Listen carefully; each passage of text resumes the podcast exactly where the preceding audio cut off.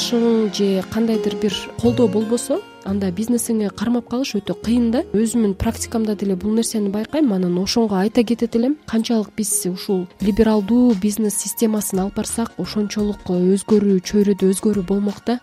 Таттыбүбү эргешбаева жыйырма төрт жашта. Кесиби юрист. Ал ушул курагында ишкердикке аралашып адегенде кыргызстандын жер жемиштерин германияга экспорттоо менен алектенди андан кийин кытайдан кыргызстанга товар ташып көрдү бул аракеттеринен майнап чыгара албай көп тоскоолдуктарга кабылгандан кийин өзү ишкерлердин укугун коргоону ээп көргөн. Ушул максат менен түзгөн эргешбаева жана өнөктөштөр юридикалык компаниясы азыр ийгиликтүү уюмга айланды. Мен өзүм юрист болгондуктан көбүнчө ушул тармакта эле иштеп ушул тармакта эле көтөрүлгүм келет. Анан мыйзам тарабынан туура текшерүү жана туура процедуралар болгонуна дайыма мындай көп салымымы кошкум келет да. Мисалы бул биринчиден айта кеткенде көп э, бизнесмендер өздөрүнүн укуктарын же болбосо болуп жаткан өзгөрүүлөрдү же болбосо мыйзамдык бааны дагы беришти билишпейт да. Мен көбүнчө ушул тармагында иштегим келет эле. Жана бизнесмендерди чакырат элем ушу бир бир ишти баштаардын алдында биздикилер көбүнчө бизде өзүнүн дагы мындай эмнеси бар да? Маселесичи бул эмнеде? Биринчи көбүнчө баштап алышат ишти баштап э, кылганын кылышып акчаларды табышып кийин текшерүү учурунда өтө көп мыйзамсыз кылган иштери аныкталат да.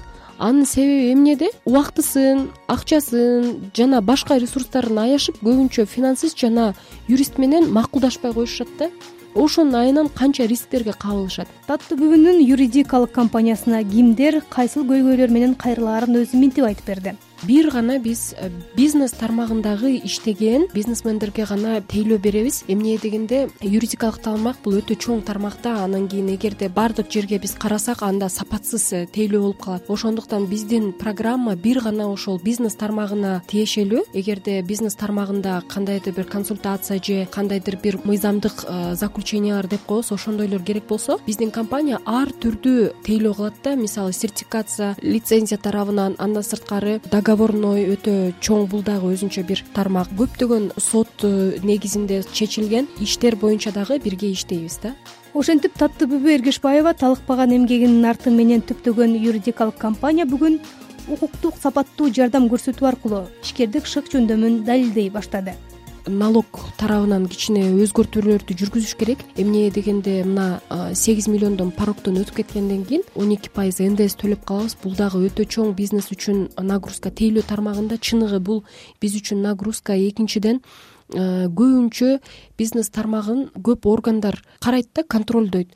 Текшерүү көп ошол текшерүүнүн кайсы жери жаман? Көбүнчө көп бизнесмендер биз эми мындай только өзүбүздүн ишибизге көп көңүл бурабыз го көп убакыт алып коюшат да. Эгерде баардык нерсеси мыйзамдуу болуп алар бизге штраф салбаса дагы бирок ошолордун текшерүүсүнүн себебинде биз көп убакытты кээ бирде жоготуп коебуз менин кээ бир клиенттерим бар.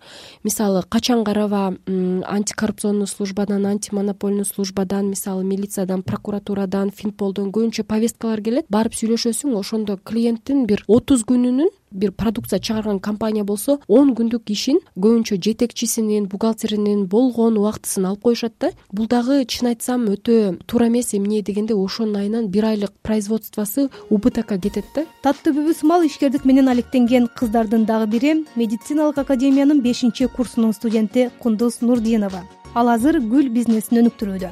Башында бишкекте бир гана дүкөн ачып аны өзү иштетип жүргөн бүгүнкү күндө дүкөндөрүнүн санын көбөйтүп бир нече адамды жумуш менен камсыздоого жетишкен өзү болсо бизнесин түптөп алып окууну бүткөндөн кийин медицина тармагында аз айлык болсо да иштеп коомго пайдасын тийгизүүнү ниет кылып жүргөн экен. Азыркы убакта эки жылдын ичинде эки гүл цветочный магазин ачтым.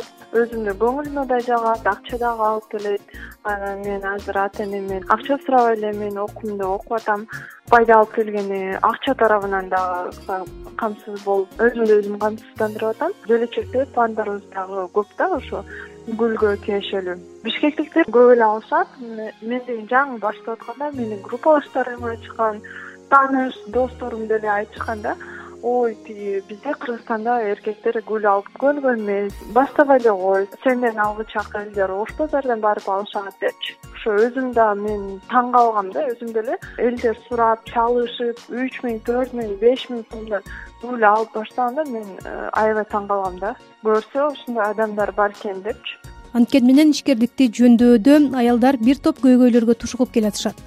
Жаш ишкер таттыбүбү эргишбаева алардын эң негизгилеринин катарына кыргыздын канына сиңген тааныш билиштикти паракорчулукту коомдогу аял үйдө отуруп эркек акча табышы керек деген мамилени атады кыргыз өлкөсүндө мисалы аял кишилерде аял кишилерге негизинен өзү жоопкерчилик чоңураак да. Мына мисалы мен дагы үй бүлөлүүмүн балам бар. Мисалы аял киши жумушунда жетишиш керек үйүндө жетишиш керек баласы менен жетишиш керек тууган урук менен жетишиш керек андан сырткары канча деген нерселер. Аял кишинин үйүндөгү болуп жаткан нерсеси дагы менин мисалы күйөөм дагы кайнатам кайненем дагы колдойт ошого мен мындай кандайдыр мага кичине жеңилирээк да. Бирок көптөгөн аял заты партнерлорубуздун иштеп жаткан жашоосундагы болуп жаткан нерселерди угуп көрүп мындай кээ бирде действительно оозум ачылат да аял кишилерди эркек кишилер көбүрөөк колдосо. Ал үчүн үй бүлө чөйрөсүндө бул биринчиден деп ойлойм эгерде күйөөсү тууган уручулук кайната кайнене ата эне колдосо анда аял кишиге дагы оңоюраак болмок да эмнеге дегенде аял киши иштейби иштебейби көп үй бүлөлөрдө аял кишини мындай түшүнбөй коюшат да ошол нерсесине мен чоң көңүл бургум келет эле. Эмнеге дегенде психо эмоционалдык э, абалына өтө чоң таасир берет. Жана бизде эркектер көп. Мен угуп калам да мындай көбүнчө юридикалык тармагында биз эркек кишилер менен иштегенибиз үчүн айтып калышат. Мисалы силер абдан эмоционалдуу болосуңар депчи. Мен ойлойм ошонун бир себеби ушул аял кишилерге жоопкерчиликти өтө көп коет да. Таттыбүбү кундуз өңдөнгөн ишкер кыз келиндер жүздөп саналат демилгелүү ишкер аялдар коомдук фондунун төрайымы аваскан ормонованын пикиринде айымдар чакан жана орто бизнести мыкты өздөштүрөт ири шаарларда сулуулук салондорду тигүү текстиль кафе ресторан тейлөө тармактарын иштетип бутуна тургандар көп. Аймактарда болсо нан сүт азыктарын чыгарган кол өнөрчүлүк буюмдарын жасаган чакан ишканаларды ачкан аялдар басымдуу бирок алардын продукцияларын сатууда маселе жаралууда. Сатыш үчүн мисалы бүгүнкү күнгө чейин деле өзү бизде например ошондой эмелер бар болчу да линиялар. Россияга мисалы казакстанга өзбекстанга тажикстанга мындай кошкон мамлекеттер биздин мисалы кара суунун базарынан негизинен эле өзбекстан менен тажикстанга кетет да мисалы көп нерселерчи. Эми мынтип тосулуп анан граница маселесинен кыйналышып анан стандартка жооп бербей деп чыгарып мисалы ушундай нерселерден бир аз кыйынчылыктар бар да. Ошон үчүн аялдардын өндүргөн бизнеси жараша мамлекет ошондой бир э, граница маселелерин дагы же өткөрүү маселелерин да чечиш керек да бирок ал дагы жок бүгүнкү анан мамлекет тарабынан ошол бизнесте чөйрөсүндө иштеген аялдар үчүн ошол кичи бизнести өзүнчө бутуна тургузуп аткан аялдар үчүн эч кандай кеңеш берүү же окутуу же алардын бизнес планын оңдоп иштеп чыгарып берүү боюнча эч кандай иш чаралар жүргүзүлбөйт анан алар ар кайсыдан анан ар жактан издеп жөнөшөт да. Кээ бирки аялдар ошо бизнесте кызыгып башташат бирок бизнес деген эми кандай түшүнөсүңөр?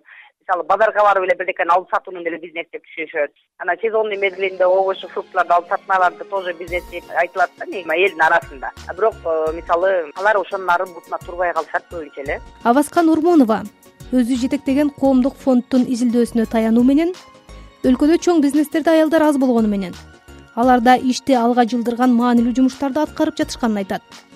Бул пикир менен жеке ишкер экономист азамат аттокуров да макул.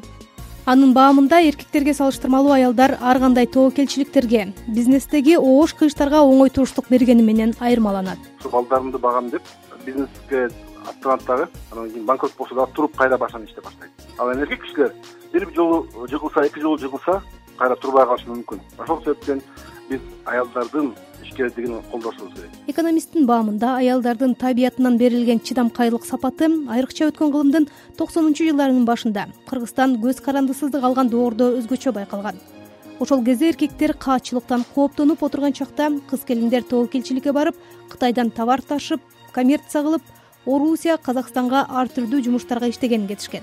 Бизнес тармагындагы адистер аялдардын ишкердикке аралашып бул тармакта көбөйүшү коом үчүн маанилүү экенин белгилешет ишкер айымдар болсо өздөрүнө мамлекеттик колдоо керек деген ойлорун ортого салышты. Сиздер азаттык радиосунун аял зат берүүсүн уктуңуздар аны нуржан токтоназарова даярдады